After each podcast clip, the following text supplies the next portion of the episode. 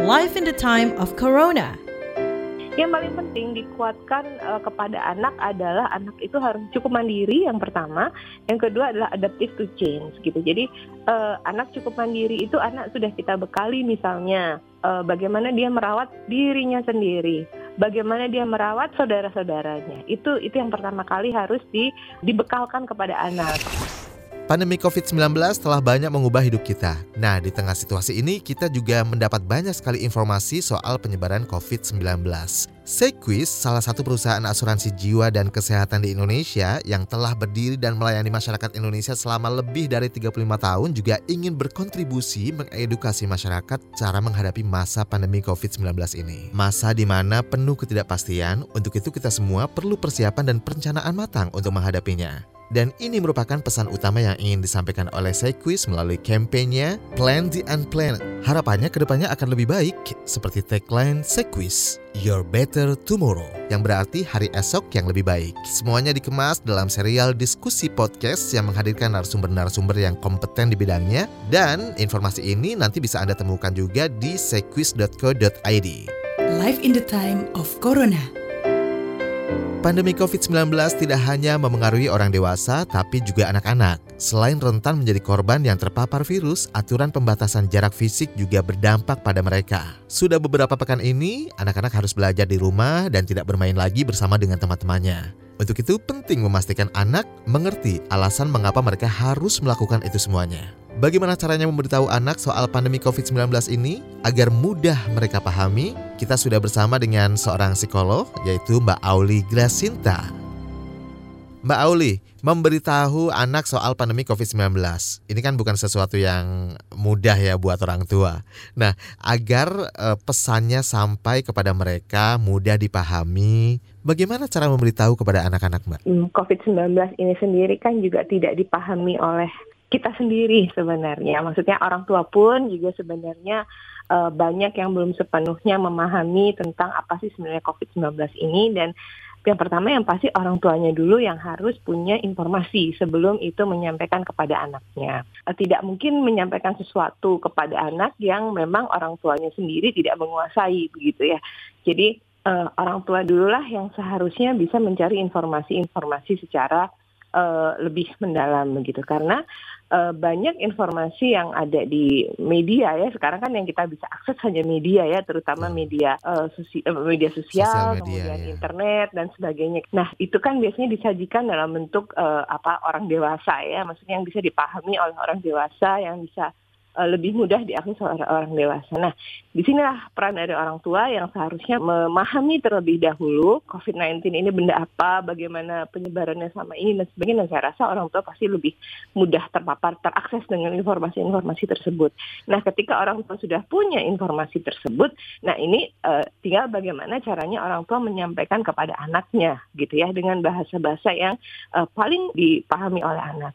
Yang pertama adalah memang harus ada waktu khusus. Jadi tidak bisa misalnya orang tuanya lagi goreng nugget gitu terus Disambil anaknya gitu. nanya, iya, ma apa sih covid nanti ah kamu lah ini ntar ini, ya nggak bisa begitu. Jadi memang perlu waktu khusus. Jadi misalnya ketika uh, berada di depan TV, sini dede, sini dek, ada ini tentang covid 19 sini sini kamu duduk mama ceritain. Nah harus begitu. Jadi ketika orang tua memang juga mindful gitu ya, sepenuhnya memang uh, menceritakan kepada anak gitu kecuali yang anaknya bertanya sesuatu yang ringan gitu. Tapi kalau kita mau cerita tentang apa sih sebenarnya kita memang perlu waktu khusus gitu. Dan saya rasa dengan dengan adanya WFH itu waktu itu sebenarnya cukup banyak gitu ya. Yang kedua memang menjelaskannya dengan bahasa yang mudah dipahami oleh anak. Misalnya dari UNICEF ya walaupun itu berbahasa Inggris tapi ada kok tayangan-tayangan yang uh, memang khusus buat anak. Virus ini apa, bagaimana penyebaran itu sebenarnya ada dan orang tua sebenarnya bisa bersama-sama yuk di sini duduk kita YouTube yuk seperti apa sih virus ini dan sebagainya begitu. Tapi ke, ketika kita mengakses media sosial satu hal yang harus disampaikan kepada anak juga adalah bahwa tidak semua sumber itu adalah sumber yang benar gitu ya. Jadi orang tua juga harus memberikan misalnya informasi-informasi mana sih sumber yang bisa dipercaya, mana sih yang tidak begitu. Tapi di belakang itu sebenarnya yang paling penting orang tua sudah siap gitu. Maksudnya orang tua sudah tahu betul uh, apa ini apa uh, dengan pertanyaan-pertanyaan anak nantinya gitu ya. Betul. Kalau memang tidak tahu ya, yuk coba kita cari yuk. Mama juga nggak tahu nih, kita cari itu juga nggak apa-apa. Ya. Kedua, jelaskan dengan cara yang memang dipahami anak dan tidak dicerna. menakutkan. Oh, iya okay. gitu. Jadi yang penting itu tidak menakutkan, tidak eh awas kamu gak boleh keluar nanti kena corona lo. Nah itu nggak boleh yang seperti itu. Tetapi kenapa kita tidak keluar? Karena di luar ada virus-virus begitu ya. Kalau kita keluar kita berarti membahayakan diri kita untuk beresiko untuk uh, terkena virus gitu. Hmm. Tetapi ancaman-ancaman seperti itu membuat anak menjadi cemas karena anak nggak ngerti sebenarnya dampaknya apa sih kalau kita keluar. Seandainya itu, itu dilakukan? Tiba-tiba anak membuat asosiasi, membuat asosiasi dan kemudian itu membuat kecemasan tersendiri kepada anak gitu dan asosiasi ini agak susah untuk dikembalikan lagi di relearn itu susah anak learning, anak belajar bahwa kalau keluar nanti ada corona. Nanti ketika WFH ini selesai, dia diajak keluar dia takut. Harus disampaikan dalam situasi yang ramah. Kita juga harus menunjukkan cara-cara yang memang untuk mencegah, misalnya cuci tangan, menggunakan masker, kemudian ketika habis pergi kita mandi ya, kemudian cara menutup bersin dan sebagainya. Jadi orang tua sendiri juga dalam kondisi tidak tenang dalam kondisi seperti ini. Kita semua mengalami perubahan dan perubahan itu perlu waktu untuk bisa adapt dan itu pasti menimbulkan stres pada semua orang gitu. Nah, stres ini malah dilampiaskan kepada anak. Nah, Sehingga ini menimbulkan kekhawatiran kepada masalah. anak gitu ya. Nah, anaknya jadi ikut cemas, ikut stres gitu. Jadi yang penting adalah orang tuanya juga kalau stres jangan ditunjukin lah sama anaknya begitu ya. Apa yang harus kita katakan kepada anak ketika anak sudah mulai merasa khawatir, cemas? Ya, kalau di di Jawa itu ya namanya diselimurke, Mas gitu. Oh, Jadi kita iya. harus alih alihkan kepada hal-hal yang lebih positif. Tetap adakan jadwal. Jadi misalnya bangun pagi, sholat subuh, terus ada sarapan, terus harus mandi semua seperti kalau kita mau pergi gitu ya. Kemudian orang tua kalau untuk anak-anak yang lebih kecil ya buatkan jadwal harian. Kemudian di rumah juga harus diberikan tempat-tempat khusus ya misalnya di mana ayah bekerja, di mana ibu bekerja, apakah meja makan kita rubah menjadi working room gitu ya, e, di mana si adik laptopnya sebelah kiri, si ibu laptopnya sebelah kanan, si kakak laptopnya sebelah mana itu kita juga harus buat gitu. Jadi dia punya working space-nya dia. Ini penting gitu. Jadi anak punya tetap punya kebiasaan. Mbak Auli, ini sejauh apa sih materi tentang pandemi ini perlu disampaikan kepada anak? Seberapa jauhnya adalah yaitu selingkup pribadi anak dan misalnya tetangga dan sekolah. Jadi misalnya dengan lingkup pribadi, apa sih yang harus dilakukan? Misalnya menjaga kebersihan. Adik kalau dadanya sakit, kalau ini bilang ya dan sebagainya mulai dibiasakan cuci tangan, kalau harus pergi bawa hand sanitizer, memang menggunakan masker dan sebagainya. Jadi lingkup pribadinya dia dulu yang okay. harus dipahami. Bagaimana sih menjaga kesehatan pribadinya dia dulu gitu. Kemudian lingkup tetangga. Kenapa sih kalau sekarang kita tidak boleh keluar ke tetangga? Karena mungkin saja tetangga kita baru pergi jauh dan dia membawa penyakit. Jadi sebaiknya kita tetap berada di uh, dalam rumah dulu ya. Okay. Kemudian lingkup sekolah. Kenapa sih sekarang nggak boleh sekolah? Karena kalau di sekolah nanti banyak orang berkumpul dan kita tidak tahu siapa yang membawa virus sehingga sehingga ada kemungkinan untuk terkena virus. Guru-guru sudah menyiapkan loh materi-materi dan menyiapkan itu juga nggak mudah loh, menyiapkan itu juga berat sama dengan adik mengerjakan. Jadi lingkupnya dia saja itu dulu. Ini selama masa karantina nih, anak-anak tidak bisa bermain bersama temannya dan juga harus melakukan school from home ya kan, banyak sekali tugas-tugas yang harus dikerjakan. Akhirnya mereka menggunakan gadget juga atau laptop lebih lama daripada biasanya. Lalu bagaimana nih mengelola waktu anak dalam waktu menggunakan gadget selama masa pandemi ini? Eh, semuanya harus menjadi seimbang seimbang ya. Jadi uh, selain tadi kegiatan-kegiatan aktiviti kan olahraga juga harus dilakukan gitu. Maksudnya olahraga di dalam rumah, misalnya kita bisa pagi gitu ya, kita bisa sama-sama berolahraga, kita bisa nonton video-video olahraga tapi kita ikut senam dan sebagainya itu sebenarnya bisa. Kita harus bikin deal sama anak gitu ya. Berapa jam sih kita menggunakan gadget bersama laptop gitu ya, berapa jam? Harus ada eh, kesepakatan uh, di situ ya, Mbak ya. Betul, betul dan itu bisa dibuat kok sama anak-anak itu bisa dibuat. Ajak aja anaknya, jangan otoriter, jangan maksudnya kamu jam segini harus gini ya, harus nggak bisa. Ini bagaimana dengan saudara-saudara kita nih yang yang sudah terinfeksi dan harus menjalani isolasi di rumah sakit? Ada kasus di Jakarta Pusat yang orang tuanya dirawat, e, tiga anaknya usia 15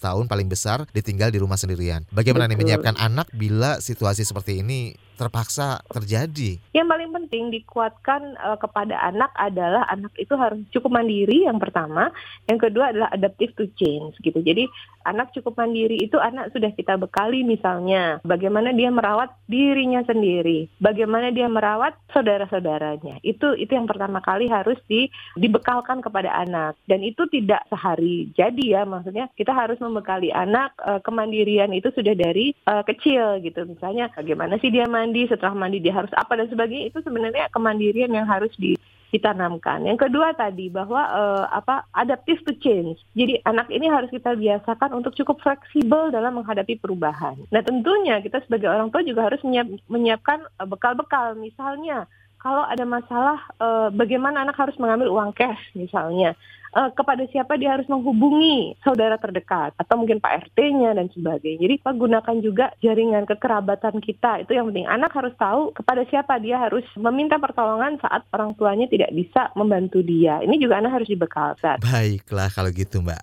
Kita tahan dulu, kita akan kembali setelah jeda berikut ini masih di Life in the Time of Corona bersama Sequis. Kesehatan adalah salah satu modal awal untuk mewujudkan hari esok yang lebih baik. Milikilah perlindungan asuransi kesehatan sejak dini agar Anda dan keluarga tercinta senantiasa terlindungi sekalipun terjadi resiko tak terduga dalam hidup. Sequis, your better tomorrow. Life in the time of Corona. Kembali lagi masih di podcast Live in the Time of Corona yang dipersembahkan oleh Sequis. Bersama saya Rizal Wijaya dan kali ini kita masih membahas bagaimana menjaga anak di tengah pandemi COVID-19. Dan kalau tadi kita sudah menghadirkan ngobrol-ngobrol bareng dengan Mbak Auli Grasinta, seorang psikolog ya.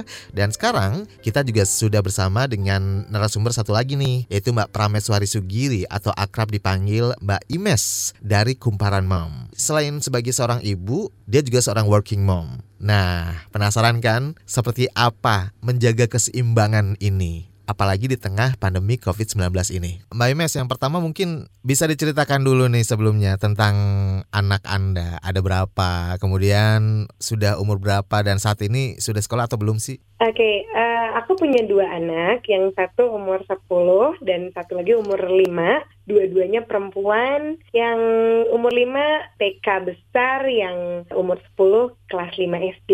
Bagaimana Anda menyeimbangkan waktu untuk bekerja dan untuk anak-anak selama masa pandemi ini nih? Apakah ada perbedaan dalam pembagian waktu untuk kerja dan anak nih? Sebenarnya kalau untuk saya sendiri agak lumayannya adalah anak-anak udah terbiasa ngeliat saya kerja di rumah, di mobil karena memang pekerjaan saya di media menuntut untuk bisa dibilang hampir 24 jam ya. Jadi sebetulnya buat anak-anak tuh ngelihat saya buka laptop di rumah itu uh, bukan hal yang baru buat mereka gitu. Cuma yang jadi berasa banget bedanya itu karena merekanya belajar di rumah.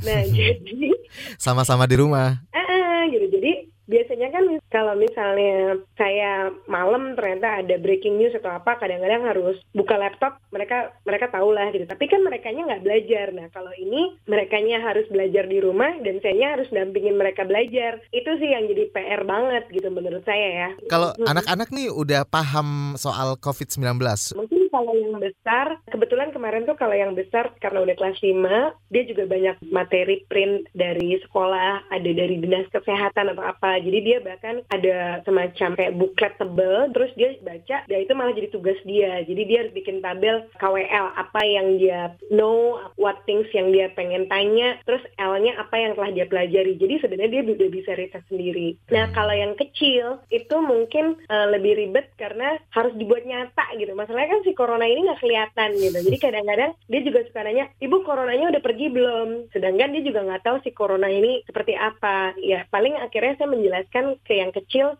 itu lewat video, lewat cerita. Hmm. Nah terus kemarin tuh misalnya anak yang kecil aku jelasin tentang karena susah banget kan dia megang mukanya terus walaupun udah cuci tangan. Aku uh, kasih mangkok, mangkoknya ditaburin pakai merica. Hmm. Terus aku suruh dia celupin uh, jarinya ke situ ke mangkok berisi air dan merica. Terus pas dia angkat dia nggak bisa ngelihat si bubuk merica di jarinya itu. Hmm. Padahal dia tahu bahwa ini ada ada mericanya. Ada mericanya. Ada ada. Kamu mau jilat nggak? Nggak mau. Aku nggak suka merica. Pedes. Tapi ada emang ada merica? Enggak nggak kelihatan. Ada ada mericanya gitu. Jadi dia akhirnya tahu bahwa ada hal kecil yang mungkin nggak kelihatan sama mata dia tapi ada di jari hmm. dia. PR juga ya ternyata ya. Banget banget.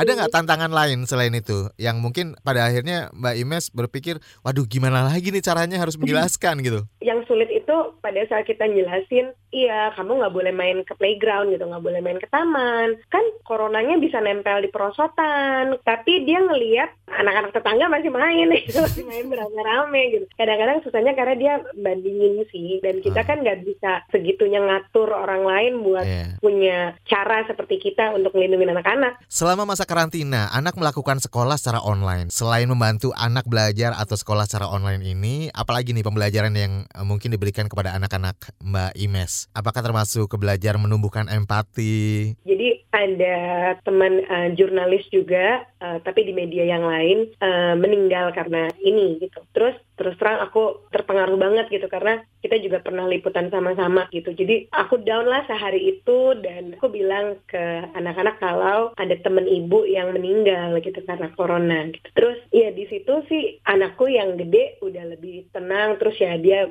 "Aduh, aku sebel nih sama corona kayak gitu. Tapi kalau yang kecil dia juga mikir dia bilang "Eh, waktu itu temennya Mide Mide itu uh, neneknya dia, dia manggilnya Mide. Temennya Mide juga ada yang meninggal gitu. Iya, temennya Mide ada yang meninggal karena corona juga gitu. Terus dia nanya, "Eh, Mide atau keluarga kita bisa meninggal juga nggak karena corona gitu. Hmm. Terus buatku itu pertanyaan serius gitu ya. Karena maksudnya gimana caranya nggak bohong ke anak, eh, menjelaskan dia kondisinya bahwa ini emang serius, nggak main-main, bisa ada orang meninggal, tapi juga nggak membuat dia ngerasa takut gitu Betul.